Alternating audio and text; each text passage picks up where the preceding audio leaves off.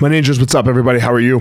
Um, don't forget to head over to my website, elliottmarshall.com, um, and you can register to show interest in my course. I'm sorry, my retreat. So I am doing a retreat in February uh, in Colorado, so a little easier to get to than Maui, um, and all of that will be on the website, elliottmarshall.com. You're not signing up to say you're going, none of that, right? You are just saying, hey, Elliott, I think I want more information about this. Let me have it. We are going to do some jiu-jitsu. We're going to do a lot of mindset and mindfulness work like we always do, becoming that more skillful human. So, elliottmarshall.com, head over there and you will see it. What's up, everyone? This week, um, you know, I, I I I love my girl Jess King on that Peloton.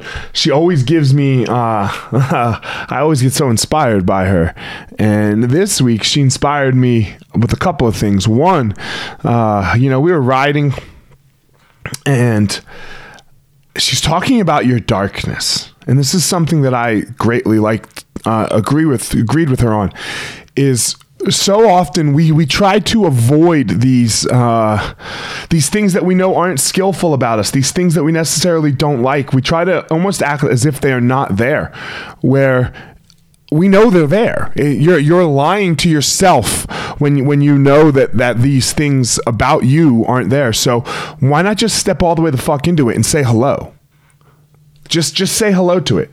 Just be like, okay, yeah, this isn't my best, and admit that it's there, and and, and then kind of deal with it. Deal, you know, deal with the oh, this isn't so skillful oh my anxiety oh this or that or whatever it may be um, how your anger if you are if you are angry your insecurity if you are insecure uh, which i don't really do the anger thing but i definitely get insecure your imposter syndrome. Yes all of these things are are true for all of us okay? Or not all of them i'm sorry. Some of them are true for all of us. There's something about you where that you are like no no no where just say yes yes yes. Just step the fuck into it. Step into hell. The beautiful thing about it is you know you can do it. It's not like you have to actually run from it. You know you can do it because you've done it before. It comes up. It comes up naturally. Like if you don't if you don't just address it, it's going to come say hello anyway. It's going to come fuck with you anyway and you've dealt with it. So not why not deal with it on your terms? So you get really skillful at dealing with it.